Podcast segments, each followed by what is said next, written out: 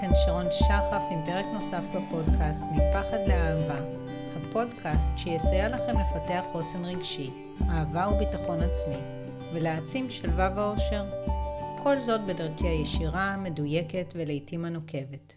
למי שעדיין לא מכיר, אני שרון שחף, מאמנת אישית, מנחת NLP ומחברת הספר 100% בחירה. בפרק של היום החלטתי לדבר על התמדה. אומרים שהתמדה היא המפתח להצלחה, ולמרות שבפרק הזה תגלו שאולי זה לא תמיד נכון, אין ספק שאנחנו זקוקים להתמדה על מנת להגיע למטרות שלנו. ולמרות שלכולנו יש מטרות שאנחנו רוצים, הרבה פעמים אנחנו מתקשים להתמיד בדרך להשגתן, ולפעמים אנחנו עושים בדיוק את ההפך ממה שנדרש. אז היום יהיה לנו פרק פרקטי במיוחד, בו אציג עשרה עקרונות שיהפכו את ההתמדה לפשוטה הרבה יותר, ויסייעו לכם להשיג את המטרות שלכם. אז מהי בעצם התמדה? התמדה היא היכולת לפעול להשגת מטרה באופן עקבי ולאורך זמן, ולהתמיד בכך גם כאשר אנחנו חווים אתגרים ומשברים וקשיים. אז איך אנחנו יכולים להגיע למצב שאנחנו מתמידים במה שאנחנו רוצים? האם צריך כוח רצון מברזל, ואם כן, איך משיגים כוח רצון כזה? התשובה שלי היא דווקא לא. המפתח להתמדה דווקא אינו טמון במה שנקרא כוח רצון, שזו מין מלחמה עצמית קשוחה כזאת. המפתח הוא דווקא ברצון. אני מסתכלת על החיים שלי, ואני יכולה לראות שהדברים שהתמדתי בהם לאורך זמן יותר מכל דבר אחר, הם דברים שאני לא מתקשה לעשות אותם. למשל, ספורט. ספורט זה משהו שאני עושה כבר המון המון המון שנים, ואף פעם לא הפסקתי. להפך, היום אני עושה הרבה יותר ממה שהייתי עושה פעם. ולא מזמן איזה שכנה אמרה לי, וואו, איזה כוח רצון יש לך. אמרתי לה, אין לי כוח רצון, זה לא עניין של כוח רצון, אני פשוט נהנית מזה ואני רוצה את זה. ואחד המניעים שלי לעשות ספורט למשל, הוא שכשאני לא עושה ספורט, הגוף שלי כואב בטירוף, ואני לא יכולה לסבול את הכאב הזה. וזה מדרבן אותי לעשות ספורט. התחושה הטובה אחרי הספורט, אני ממש לא צריכה להתאמץ בשביל זה, אני רוצה את זה. אני לא יכולה בלי זה. אותו דבר נניח עם אכילה בריאה. התרגלתי כל כך לתחושה הטובה שאוכל בריא נותן, שאני משתוקקת לסלט שאני אוכלת בערב. ממש, כשאני מגיעה לזה, זה הדבר הכי טעים שאני אוכלת כל היום. זה באמת נורא נורא טעים כשעושים את זה כמו שצריך. אז בואו נתחיל רגע בעשרת העקרונות, ואז תוכלו לחבר את זה גם לחיים האישיים שלכם. אז קודם כל, העיקרון הראשון הוא השאלה, למה אני עושה את מה שאני עושה? למה או למה? למה זה טוב? ויכולה להיות uh, סיבה טובה לזה שאני עושה את מה שאני עושה, ויכולה להיות סיבה לא טובה. אז בואו נדבר רגע על סיבות טובות. אז סיבה טובה זה הנאה, זה תוצאה שאני מאוד מאוד רוצה להשיג ואני יודעת שהיא תיתן לי ערך ותביא לי סיפוק. זה צורך ברור, כמו למשל uh, כסף. ויש דברים שאני עושה כי זה מביא לי תוצאות. למשל נניח אה, בתור בעלת עסק, יש נתיב פרסום מסוים או נתיב שיווק מסוים, שאני אתמיד בו, כי אני יודעת שהוא מביא לי תוצאות. אז אם אנחנו נדבר רגע על אה, צריך, זאת אומרת הנאה, תשוקה, זה נורא נורא ברור, גם כשיש לנו תשוקה לתוצאה, נניח שאני רוצה לסיים איזשהו תואר מאוד מאוד קשה, לפעמים אני אשכח בדרך את התשוקה שלי לתוצאה, כי אני כבר ממוקדת בכאן ועכשיו ולא מצליחה להתמודד, או מתקשה להתמודד. אז יש דברים שצריך לעשות, או רצוי לעשות. ואחת הבעיות היום עם צריך זה שלהרבה צעירים וילדים יש אופציה. הם לא חייבים. הם לא חייבים להרוויח כסף, הם לא חייבים לסיים תואר, ילדים קטנים, בני נוער, לא חייבים לעשות כל מיני דברים בבית. כן, ההורים יתעצבנו עליהם, יצעקו עליהם, ידברו איתם, יתחננו בפניהם, אבל הם לא חייבים. אף אחד לא מחייב אותם, אין מחיר על זה שהם לא יעשו. יש היום הרבה אנשים צעירים שההורים שלהם מכסים להם שוב ושוב את המינוס, ומממנים להם עוד תואר ועוד תואר. והם כל שנה או פחות משנה קופצים מעבודה לעבודה. אז לא רק שיש להם אה, גב כלכלי, גם אם להורים אין, אז הם, אה, שמעתי על הורים שלוקחים הלוואות ונותנים, אז לא רק זה, חשבתי היום על עוד דבר. כשאני הייתי אה, בזמנו מגייסת, הייתי מנהלת גיוס בהייטק, וכשהיינו רואים מישהו שקופץ מעבודה לעבודה ולא עובד, לא מצליח לעבוד מעבר לשנה בשום מקום, לא היינו מגייסים את הבן אדם הזה. והיום הסטנדרט, נראה לי גם של המעסיקים, כל כך ירד, שכבר יש אנשים שקופצים מעבודה לעבודה לעבודה, וזה לא מעניין אף אחד. וזה דבר שהוא מאוד מאוד מאוד פוגע ביכולת ההתמדה, כי אם אני לא חייבת, הרצון או התחושה שאני לא מסוגלת, תהיה הרבה יותר גדולה. זאת אומרת, זה לא שאני באמת לא מסוגלת, זה בגלל שאני לא חייבת, זה יראה לי שאני לא מסוגלת. אני לא מסוגלת לעשות את התואר המשעמם הזה, אני לא מסוגלת לעשות את העבודה המשעממת הזאת, אני לא מסוגלת לנקות את הבית, אני לא מסוגלת להשתתף במטלות הבית. יש הרבה דברים שבמרכאות בן אדם ירגיש שהוא לא מסוגל, ואז נאמר אותו בן אדם יבוא להורים שלו והם יגידו להם אני לא מסוגל, זה גורם לי למצוקה נפשית. הוא פשוט יכול להרשות לעצמו. באותו רגע הוא עיוור לעובדה שזה לא האמת, זו תפיסת המציאות שלו, הוא רואה את עצמו כמוגבל ולא מסוגל. אבל אם הוא היה חייב, אם ההורים היו סוגרים את הברז, פתאום היה קורה משהו. ואם אתם הצעירים האלה, שההורים נותנים להם את הגב הכלכלי, לכו תבקשו מהם, אמא, אבא, עכשיו בשעת... אה, אמ, צלילות, אני מבקשת מכם לא לתת לי יותר כסף. אני יודעת שאני אתחנן ואצרח ואאשים אתכם, אבל אל תיתנו לי יותר.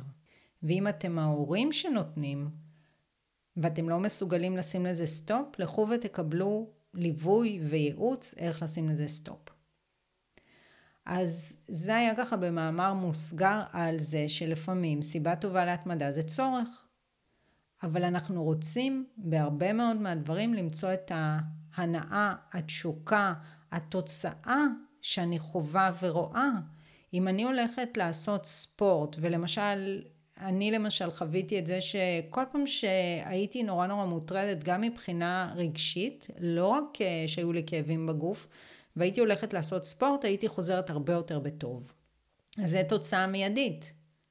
זה לא משהו שהוא אה, יותר מדי ארוך טווח. אם אני אעשה משהו ומישהו יגיד לי, תשבי, תעשי מדיטציה. אחרי שתעשי את זה כל יום, 20 דקות במשך לפחות שנה, אז את תתחילי להרגיש תוצאות. סביר להניח שאני אשבר. אבל אם מישהו ייתן לי דרך מאוד מאוד פשוטה לתרגול מדיטציה, ואני ארגיש, וואו, הנה, עשיתי דקה מדיטציה ואני מרגישה הקלה, יהיה לי הרבה יותר מוטיבציה להמשיך עם זה כל יום. אז אלו הסיבות הטובות, ויש גם סיבות שהן לא טובות. הסיבות הלא טובות, קודם כל קשורות במה שנקרא אגו. אני עושה משהו שגורם לי להרגיש כאדם טוב ואיכותי. אני לא נהנית מזה, אני לא אוהבת את זה, זה לא נותן לי ערך. אבל מישהו יגיד, אה, שרון, היא מתנדבת ב... לא יודעת איפה, לא משנה, כי סתם אני נותנת את זה כדוגמה. אז למרות שאני אסבול במהלך זה שאני עושה את זה וזה לא ייתן לי שום דבר, אני ככה זה יהיה לי שורה בקורות חיים שמישהו מהצד יגיד, אה, איזה בן אדם היא. וזה, זו לא סיבה טובה לעשות דברים. לא כשאני מחפשת שמישהו אחר ייתן לי את הגושפנקה הזאת, ולא כשאני מחפשת את הגושפנקה הזאת בפני עצמי. וגם אתם תראו שזה לא מחזיק מעמד לאורך זמן. עוד סיבה לא טובה לעשות דברים זה כי החלטתי וצריך להתמיד בהחלטה. אבל זה מצד אחד נכון ומצד שני זה גם יכול ללכת לאיזושהי נוקשות שלא מסתכלת על זה שההחלטה שלי לא משרתת אותי. דיברנו קודם על האנשים שקופצים מתואר לתואר לתואר, אבל לפעמים זה הגיוני לעבור מתואר לתואר, כי התחלתי ללמוד משהו וזה פשוט לא מעניין אותי ב shit. אז עשיתי שנה או חצי שנה או סמסטר, ועברתי לתואר אחר ושם התמדתי. לא תמיד גם זו התשובה הנכונה. זה כל מקרה לגופו, אבל זה דברים שצריך לשקול. אני למשל עשיתי תואר והוא היה משעמם ברמות יוצאות דופן. תואר במדעי ההתנהגות עשיתי בזמנו במכללה למינהל. אבל ידעתי שזה ייתן לי את כרטיס הכניסה לעבודה שאני רוצה בתחום של משאבי אנוש, אז התמדתי בזה. אבל יש דברים שאין טעם להתמיד בהם. עכשיו, סיבה נוספת לא טובה לעשות דברים היא כי אומרים ש. אומרים ש. אמרנו, לעשות 20 דקות מדיטציה ביום זה טוב. אומרים שהכרת תודה זה טוב. אומרים שאם אני אוכל דבר כזה זה יהיה נכון, או אם אני אוכל שלוש ארוחות ביום זה יהיה נכון. מי אומר? מישהו אומר את זה. אולי אפילו מישהו שהוא אה, למד ויש לו איזושהי הסמכה. או מישהו שיש לו קהל מעריצים גדול, או מישהו שנראה לכם סופר מצליח בעצמו. ויש דברים כאלה שאנחנו אומרים, אומרים ש... מי אמר? מי אומר? אבל יש גם הרבה אמירות הפוכות לזה, או יש הרבה דרכים אחרות. אם זה בסופו של דבר, אני לא חוזרת למקום של סיבה טובה, זה נותן לי הנאה, זה, זה מוביל אותי לתוצאה, אה, יש לי תוצאה ברורה ואני רואה שאני מתקדמת לקראתה, אין בזה שום טעם. אז אמרנו, למה אני עושה את מה שאני עושה, ואני מחפשת סיבה טובה. סיבה טובה, תחזיק את זה, ותיתן לי את היכולת להתמיד בדברים בקלות ולאורך זמן. העיקרון השני שלנו מתייחס לשאלה האם אני באמת רוצה את זה. יותר מזה שאני לא רוצה את זה, או יותר מזה שאני מפחדת מכך שזה יקרה. מה הכוונה? נניח אני רוצה קידום בעבודה, ואני באמת רוצה קידום בעבודה. אבל אני גם מאוד מפחדת לקבל את הקידום בעבודה, כי אני מפחדת לנהל אנשים, או אני מפחדת שאם אני אכשל בתפקיד, כולם יראו שאני לא באמת כזאת טובה כמו שאני אה, נחשבת היום, כשאני יושבת בפינה שלי ורק עושה את העבודה הטכנית. אז כשמישהו רוצה לקבל קידום, ברוב המוחלט של הפעמים יש פחד. אבל אם תדמיינו לכם אה, בראש כמו מאזניים, אז יש את הצד של הפחד ויש את הצד של הרצון. ותשאלו את עצמכם איזה צד יותר כבד כרגע. אם הפחד יותר כבד, אז אני לא, אה, לא אמצא את עצמי באמת אה, מתקדמת. ואפילו יקרו הרבה דברים בסביבה החיצונית שכביכול יסכלו את הקידום שלי. לא יבחרו אותי, מישהו אחר יחתור תחתיי, ייראה יותר מוצלח, יהיה יותר פוליטיקאי. בסוף זה משרת את הרצון העמוק שלי שהוא להימנע מהמצב שכל כך מפחיד אותי. עכשיו מה טוב כשמזהים את זה? כשלא מזהים את זה אז אני יושבת ומאשימה את כל העולם ואשתו. כן, אני לא התקדמתי כי ככה ולא ככה וזה ככה. ואני מפספסת את העובדה שהעולם משקף לי את מה שקורה בתוכי. זה יכול לקרות עם uh, השגה של הרבה מאוד מטרות, למשל זוגיות. אני רוצה מאוד זוגיות, אבל אני מפחדת מהשגרה, מזה שאני אגיע לחיות כמו כל הזוגות האלה שאני רואה סביבי, מזה שיבגדו בי ויפגעו בי. אז אני רוצה, אבל אני לא מאמינה שהזוגיות האוטופית שאני רוצה יכולה להתקיים. אני באמת מאמינה שכל מערכות היחסים מגיעות בסוף למצב לא טוב. ואני יותר מפחדת מזה מאשר רוצה את זה. אז קודם כל כשמזהים את זה, אז אני מבינה שהאחריות היא שלי ואני מפסיקה להאשים את כל העולם ואת כל הגברים הנוראים ואת כל המעסיקים הנוראים ואת כל המתחרים שלי בעבודה שהם הרבה יותר אה, פוליטיקאים ממני. אני מבינה שהעולם משקף לי את מה שבתוכי. ואז אני יכולה, אם אני רואה שיש פחדים, אני יכולה להתמודד עם הפחדים בכל מיני דרכים, לפעמים לבד, אה, לפעמים בעזרת בעל מקצוע, אבל לפחות אני מבינה מה קורה. העיקרון השלישי שלנו מדבר על זה שהתמדה לאורך זמן מחייבת גמישות ורשות עצמית אמיתית. ולמה הכוונה כאן? הכוונה היא, אני אתן דוגמה שוב מהחיים שלי, אני טבעונית כבר מאמצע 2013, זה עוד מעט אה, עשר שנים, תשע וחצי שנים, ו... בהתחלה כן היו כמה התאמות שהייתי צריכה לעשות, להתרגל לטעמים חדשים, אבל מאז זה בכלל בכלל בכלל לא היה לי קשה. ואחת הסיבות שזה לא היה לי קשה היא שיש לי רשות. יש לי רשות אם אני רוצה פתאום, נניח לפעמים כשאני בחו"ל, אני אוכלת uh, קצת ביצים וגבינות. במשך, ככל שעוברות השנים, כל הטעמים האלה נהיים לי יותר ויותר מוזרים, אבל אם אני רוצה, או אם אני רוצה פתאום יש רק עוגה או שוקולד שהם לא טבעונים, ואני נורא נורא רוצה, אז אני אוכל קצת ולא יקרה כלום. זאת אומרת, קל לי להתמיד כי אני גמישה. כי אני נותנת לעצמי רשות עצמית להפר את ההחלטה שלי בכל רגע. אני לא אפר את ההחלטה הזאת, אני אף פעם לא אהיה לא טבעונית. אבל האם יכול לקרות שבמהלך חיי אני אי פעם אטעם בשר? יכול להיות, למרות שאין לי שום רצון לזה כרגע, אבל אני זוכרת, ככה, לפני שאימא שלי נפטרה איזה יום, והייתי איתה כל הלילה במיון, ואז חזרתי, ואחותי הביאה דג שבעלה עשה. וזה היה כל כך חם וטעים, ופשוט אכלתי את זה. הייתי אז כבר טבעונית. זה פשוט היה הדבר הנכון לעשות. זה היה מנחם וחם וטעים. אז הייתה שם גמישות, הייתה שם התאמה למצב, הייתה שם רשות עצמית, אז כן, אני ב-99% עדיין טבעונית. ואם כולם היו כמוני זה היה טוב, אבל יש את הטבעונים שהם כאלה נורא קיצוניים, והם יוצאים במסעות של השמצה נגד, אם הם ישמעו מה אני אומרת, אז הם יוקיעו אותי. וזה שטויות, כי מה המטרה שלנו בסוף? יש מטרה לטבעונות, לא לפגוע בבעלי חיים, לשמור על העולם, על בריאות אני לא אכנס כרגע. אז אני משרתת את המטרה, במידה רבה מאוד מאוד, אוקיי? אז אותו דבר עם כל דבר. זאת אומרת, גם נאמר אה, עם ספורט. אני מתמידה לאורך זמן, אבל היו תקופות שהיה לי יותר קשה, אז עשיתי פעמיים בשבוע, לפעמים פעם אחת. ובתקופות שאני יכולה יותר, אני עושה יותר. בשנים האחרונות אני עושה יותר, אבל זה לא נוקשה. פעם החלטתי שאני לא אוכלת סוכר מעובד.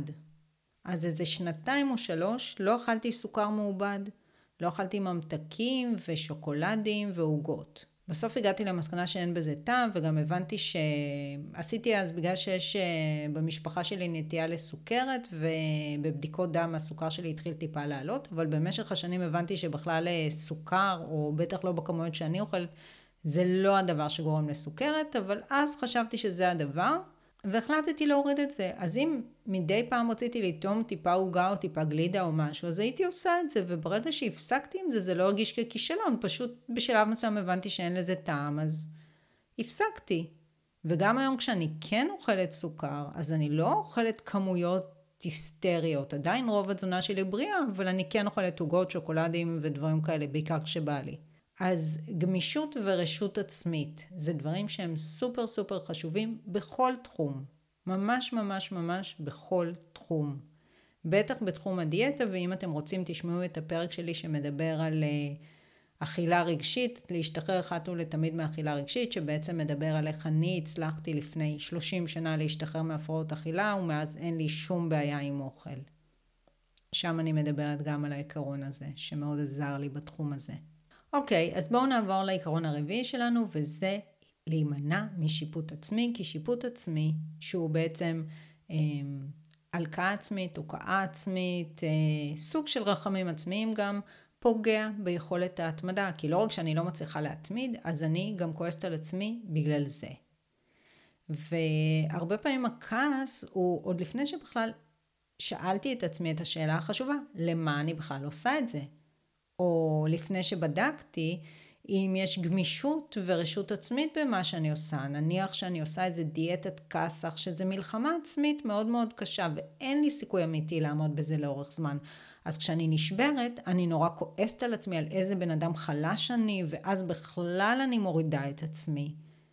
ונניח שאני אה, נקלעת כל פעם למערכות יחסים שהן לא טובות לי, וקשה לי להגיד לא, גם כשאני יודעת שזה לא נכון עבורי.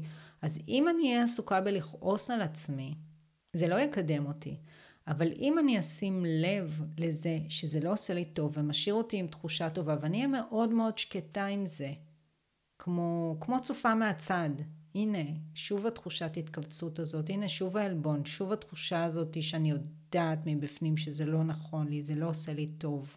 אז הרבה יותר מהר הדפוס ישתנה, הרבה הרבה יותר מהר. אז שיפוט עצמי, וגם על זה יש שני פרקים בפודקאסט עד עכשיו, אחד קוראים לו חמלה עצמית, זה ישנה לך את החיים, והשני לצאת לחופשי מכלא השיפוט העצמי. מאוד כדאי להקשיב, כי זה מאוד יעזור לכם גם לפתח יכולת התמדה. העיקרון החמישי מדבר על צעדים קטנים וישימים, וזו ההמלצה מספר אחת של מומחיה על אימוץ הרגלים. הם אומרים, תתחילו ממש בקטן, ממש ממש ממש בקטן. נניח מישהו שלא מתאמן בכלל. נניח מישהו שלא מתאמן בכלל, אז יגידו לו, תתאמן רק פעמיים בשבוע, כל פעם חצי שעה. ובשביל אותו בן אדם, גם זה יותר מדי. אז מומחי העל אומרים דבר כזה, תתחילו אפילו מדקה ביום, ממש. נניח דקה ביום, אני לא התאמנתי כבר שנים, דקה ביום אני עושה קפיצות, או עושה תרגלים שאני מרימה ומורידה את הידיים, או לא יודעת מה. סבבה, דקה זה כלום, זה כלום. אחרי זה אני יכולה לעבור לשתי דקות, חמש דקות. אני לא מציעה להגיע לשעה ביום או לחצי שעה ביום, כי בסופו של דבר, אם מישהו רוצה להתמיד, אולי נכון לו לעשות פעם, באמת פעמיים בשבוע חצי שעה, או פעם בשבוע שעה, או משהו כזה. אבל לעשות דקה כדי באמת להתחיל להתרגל לרעיון הזה. אולי אפילו עשיתי, ישבתי ועשיתי קצת מתיחות מול הטלוויזיה. כלום, לא יותר מדי. והבעיה של הרבה אנשים למשל עם העניין הזה של להתאמן, זה שהם אומרים, אם זה לא שלוש-ארבע פעמים בשבוע, זה לא שווה. אני לא אקים את עצמי בשביל עשר דקות, בטח לא בשביל דקה. אז היום למשל יש מלא מלא דברים ביוטיוב, מלא דברים. תחפשו משהו, יוגה, פילאטי, סימון אה, כוח, יש אפליקציות, יש ביוטיוב, יש כל מיני דברים. פשוט לחפש משהו מאוד קצר. דקה, חמש דקות, עשר דקות. כלום. עשר דקות פעמיים בשבוע. חמש דקות פעמיים בשבוע. בואו נתחיל מזה. זה מה זה קל, או דקה ביום. משהו כזה. יש לי מדרגות בבית, אני עושה אותם, נניח, במשך דקה, עולה ויורדת. בהתחלה בהליכה, אחר כך בריצה קלה. זה ממש מעט. וזו ההמלצה, ככה להתחיל לאמץ הרגלים. ולא כל דבר צריך להגיע בסוף למשהו גרנדיוזי שאני עושה אותו מלא זמן ביום. למשל, אם מישהו רוצה להתחיל להשתחרר מהטלפון, ממסכים, בוא נתחיל מחמש עשר דקות ביום, לא יותר מזה. אפשר לשים בצד את הטלפון לחמש עשר דקות ביום. מה אני אעשה בחמש עשר דקות האלה? אולי אני אכין משהו לאכול, אולי אני אסתכל דרך החלון, אולי אני אשב רגע בשקט, בלי לעשות כלום, אבל לא לנמנם. אני אשים את הטלפון בחדר אחר כדי להתרגל לתחושה הזאת שהטלפון לא לידי. חמש עשר דקות ביום. זה לא אומר שבסוף אני צריכה להגיע למצב שאני מסתכלת בטלפון רק עשר דקות ביום, אבל אם זה מטרה שלכם למשל ליצור יותר שקט נפשי, להעלות את יכולת הריכוז, אז בהחלט אפשר להתחיל את זה ככה. העיקרון השישי הוא הכי הכי חשוב פה וזה לא להרים ידיים מול כישלון ובעצם כשאני קוראת את מה שכתבתי לא להרים ידיים מול כישלון אני אומרת ככה זה לא נכון. לא להרים ידיים מול קושי. לא להרים ידיים כשמישהו אחר אומר שאני לא יכולה, או כשאני מרגישה שלא הצלחתי, לא להתבכיין על זה שנכשלתי, ולא להתבכיין על זה שלאחרים יותר קל, ולא להגזים בערך של הדברים שמישהו אמר. אז הוא אמר שאני לא מתאימה, הוא אמר שאני לא מתאימה לו כעובדת או כבת זוג. אז לעולם אף אחד לא יחשוב שאני מתאימה, אף אחד. הוא אמר שצריכים לתפקיד הזה רק מישהו עם ניסיון, ואני לא עם ניסיון. אבל יש אנשים שלקחו אותם גם בלי ניסיון לכל מיני תפקידים. אז הוא אמר, הרבה אנשים אומרים הרבה דברים. וכדי לתת לכם קצת פרופורציה, אספתי כמה מהדוגמאות הכי ידועות של אנשים סופר מצליחים ברחבי העולם, שבאמת לא הרימו ידיים מול כישלון, וזה מה שהביא להם את ההצלחה. למשל, ג'יי קיי רולינג, מחברת ספרי הארי פוטר, שכתבה את כתב היד הראשון שלה כשהיא הייתה אם חד-הורית, שבקושי התפרנסה, והייתה גם בתקופה של דיכאון, ואז כשהיא השלימה את זה, אז הרבה מאוד סוכנים דחו את הספר שלה וככה אמרו לה שאין סיכוי שזה יצליח, היו לפחות 12 אה, סוכנים כאלה שדחו את הספר.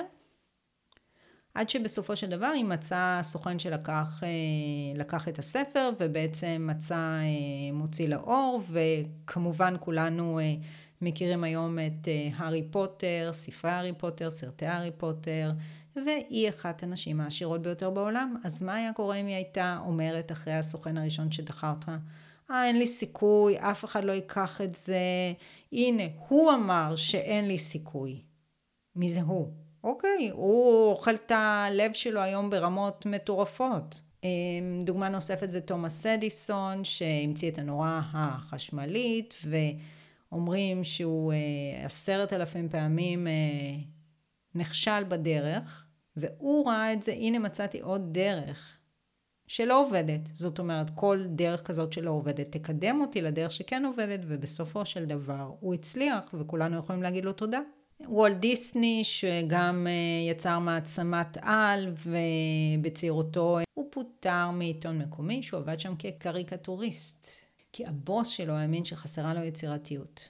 ואז הוא הקים חברת אנימציה שנכשלה והותירה אותו בקשיים כלכליים, ובסופו של דבר אנחנו יודעים שהוא סופר סופר הצליח. ועוד דוגמה אחת שאני אתן היום, למרות שיש מיליון דוגמאות כאלה, אה, סר ריצ'רד אה, ברנסון, שהוא מייסד קבוצת ורג'ן, הוא מיליארדר, הוא דיסלקט, והוא נאבק בבית הספר ונכשל בהרבה מאוד בחינות, והוא נחשב לתלמיד בעייתי. אבל הוא לא התמקד בזה. למשל יצא לי אה, ככה, היו לי כמה מתאמנות שהן, היו להם אה, קשיי למידה בבית ספר בגלל דיסלקציה או דברים כאלה, וכל החיים הן מתייחסות לעצמם כנחותות ומטומטמות. אם סר ריצ'רד ברנסון היה מתייחס לעצמו כנחות ומטומטם בגלל שיש לו דיסלקציה, איפה הוא היה היום? Hmm? מעניין, אה? עכשיו, כולנו לפעמים שוכחים את זה, מי יותר ומי פחות, ולכן כל כך חשוב לפעמים להסתכל על אותם אנשים שהצליחו למרות כל המגבלות ולמרות כל הדברים שאנחנו רואים כסיבה כל כך מוצקה להימנעות ולכישלון שלנו. העיקרון השביעי הוא עיקרון שאני סופר סופר אוהבת, וזה לעשות את מה שאני חייבת במרכאות, כי תמיד גם בכל חובה יש לנו בחירה, ללא תלונה. אין דבר יותר משנה חיים מלהפסיק להתלונן. ולא משנה מה קורה. אז יש את אותם דברים שאנחנו צריכים לעשות, או אה, אנחנו צריכים לעשות אותם כי הם בדרך למה שאנחנו רוצים, או אנחנו צריכים לעשות אותם מסיבה כזו או אחרת, בדרך כלל כי הם חלק מהדרך למשהו שאנחנו רוצים. ואם אנחנו מתלוננים, הכל הופך להיות הרבה יותר קשה, וככה גם הקושי שלנו להתמיד, גדל. ובתרבות המודרנית יש נטייה להתלונן באופן כמעט בלתי פוסק, או להוציא קיטור, לפרוק, וזה דברים שאולי נותנים פורקן רגעי, אבל הם סופר סופר הרסניים, אז אני מאוד ממליצה להפסיק להתלונן, ואתם תראו איך זה יעצים את יכולת ההתמדה שלכם. אפשר להתלונן על מה שאני צריכה לעשות, אפשר להתלונן על זה שלא הצלחתי, אפשר להתלונן על זה שלאחרים הרבה יותר קל, אפשר להתלונן על מלא דברים, ואפשר לא להתלונן, וזה הופך הכל להרבה יותר פשוט. עכשיו, אה, העיקרון השמיני הוא לחפש את הדבר האחד או יותר שאתם כן מתמידים בו, גם אם הוא לא משהו זוהר ונוצץ, ואפילו אם הוא קטן, ואפילו אם אתם נוטים לבטל אותו. למשל, כל יום אני מצחצחת שיניים פעמיים ביום. זה נחשב משהו שהוא מובן מאליו, אבל הוא לא מובן מאליו. יש אנשים שלא עושים את זה. או כל יום אני מתקלחת. או אפילו, בוא נגיד ככה, כל יום אני מגלגלת את הג'וינט. כל יום אני מתמידה בלהשיג את הסם שלי, וזה לא אני, סתם. אני אף פעם לא עישנתי. אבל בוא נגיד שזה ההתמדה הכי גדולה בחיים שלי, להשיג את הסם, לקנות את הסם, לגלגל את הג'וינט ולעשן. עדיין אני עושה פה משהו ואני מתמידה במשהו. והרבה פעמים כשאנחנו מתמידים במשהו, זה בגלל שיש לו כוונה חיובית עבורנו. הרבה אנשים שמעשנים סמים על בסיס קבוע, זה בגלל שזה נותן להם הקלה רגשית. אז יש פה כוונה חיובית, ואם אנחנו נחפש, אוקיי, מה הכוונה החיובית שלי בדבר השלילי שאני עושה? הכוונה שלי היא לקבל הקלה מהמחשבות שלי, מהרגשות שלי, מצוין. אז קודם כל אני עושה משהו שמשרת אותי, אבל למשל כשמדובר בסמים יש לזה מחיר, אז בואו נראה מה אני יכולה לעשות במקום כדי להשקיט את הנפש והמחשבות והרגשות, ואם אני לא יכולה לבד, אז כדאי לי לפנות לטיפול. אז גם משהו שהוא נתפס כשלילי, או נניח אני מתמידה בלגרום לאחרים לעשות דברים עבורי. זו יכולת לא מבוטלת. יש אנשים או ילדים או בני נוער שזו הטקטיקה שלהם. הם ממש מצליחים לעשות את זה, לגרום לאנשים לעשות דברים עבורם. תגידו על בן אדם כזה, אין לו יכולת התמדה בכלום, הוא לא עושה בעצמו כלום, הכל עושים עבורו. יש לו יכולת התמדה מטורפת בלהתעקש על זה שאחרים יעשו דברים עבורו, זה מדהים. זה לא משרת אותו בטווח היותר ארוך, אבל זה מדהים, זה כוח על. ואם הוא ייקח וינתב את הכוח על הזה למקום אחר, וואו, אוקיי? אז אני מזמינה אתכם לעשות איזושהי רשימה ולרשום במה אני מתמיד ומתמידה, ובמה אני לא מתמידה. ואז תחזרו לדברים שדיברתי עליהם עד עכשיו, ותשאלו את עצמכם, למה אני עושה את זה, והאם הסיבה שלי טובה, ואם אני רוצה את התוצאה, את המטרה שאני באמת מדברת עליה, יותר מזה שאני לא רוצה או מפחדת מזה, וכמה שיפוט עצמי יש בדרך, וכמה אני קופצת מ-0 ל-100, או עושה צעדים קטנים וישימים, וכמה פעמים אני מתלוננת על הכישלון שלי, ותבחנו את זה, והאם באמת אולי בדבר מסוים יש מקום לשנות כיוון, להחליף, לוותר. אז בעצם זה העיקרון השמיני שלנו, וזה מצחיק כי אמרתי שיש עשרה עקרונות היום, אבל בסופו של דבר אני אה, רואה שרשמתי רק שמונה. אבל כל אחד כזה הוא מאוד מאוד גדול ומשמעותי, אז אנחנו נשאר עם אה, שמונה עקרונות, ואנחנו נסיים כאן כי זה המון דברים שאפשר ממש לצאת לדרך ולהתחיל ליישם. אז הגענו לסיום, וכמו תמיד אני מקווה שנהניתם והפקתם ערך מהפרק, ואם כן, אתם כמובן מוזמנים לשתף אותו עם אנשים נוספים שיוכלו ליהנות ממנו גם הם. אתם מוזמנים לעקוב אחר הפודקאסט, לדרג אותו, וגם ליצור איתי קשר ולספר לי מה לקחתם מהפרק ומה עוד הייתם רוצים לשמוע בתוכנית. אני מזמינה אתכם להציץ גם בהערות לפרק, אני משאירה שם קישורים להעמקה ופרטים ליצירת קשר איתי, אז שיהיה המשך יום מקסים, ולהתראות בפרקים הבאים.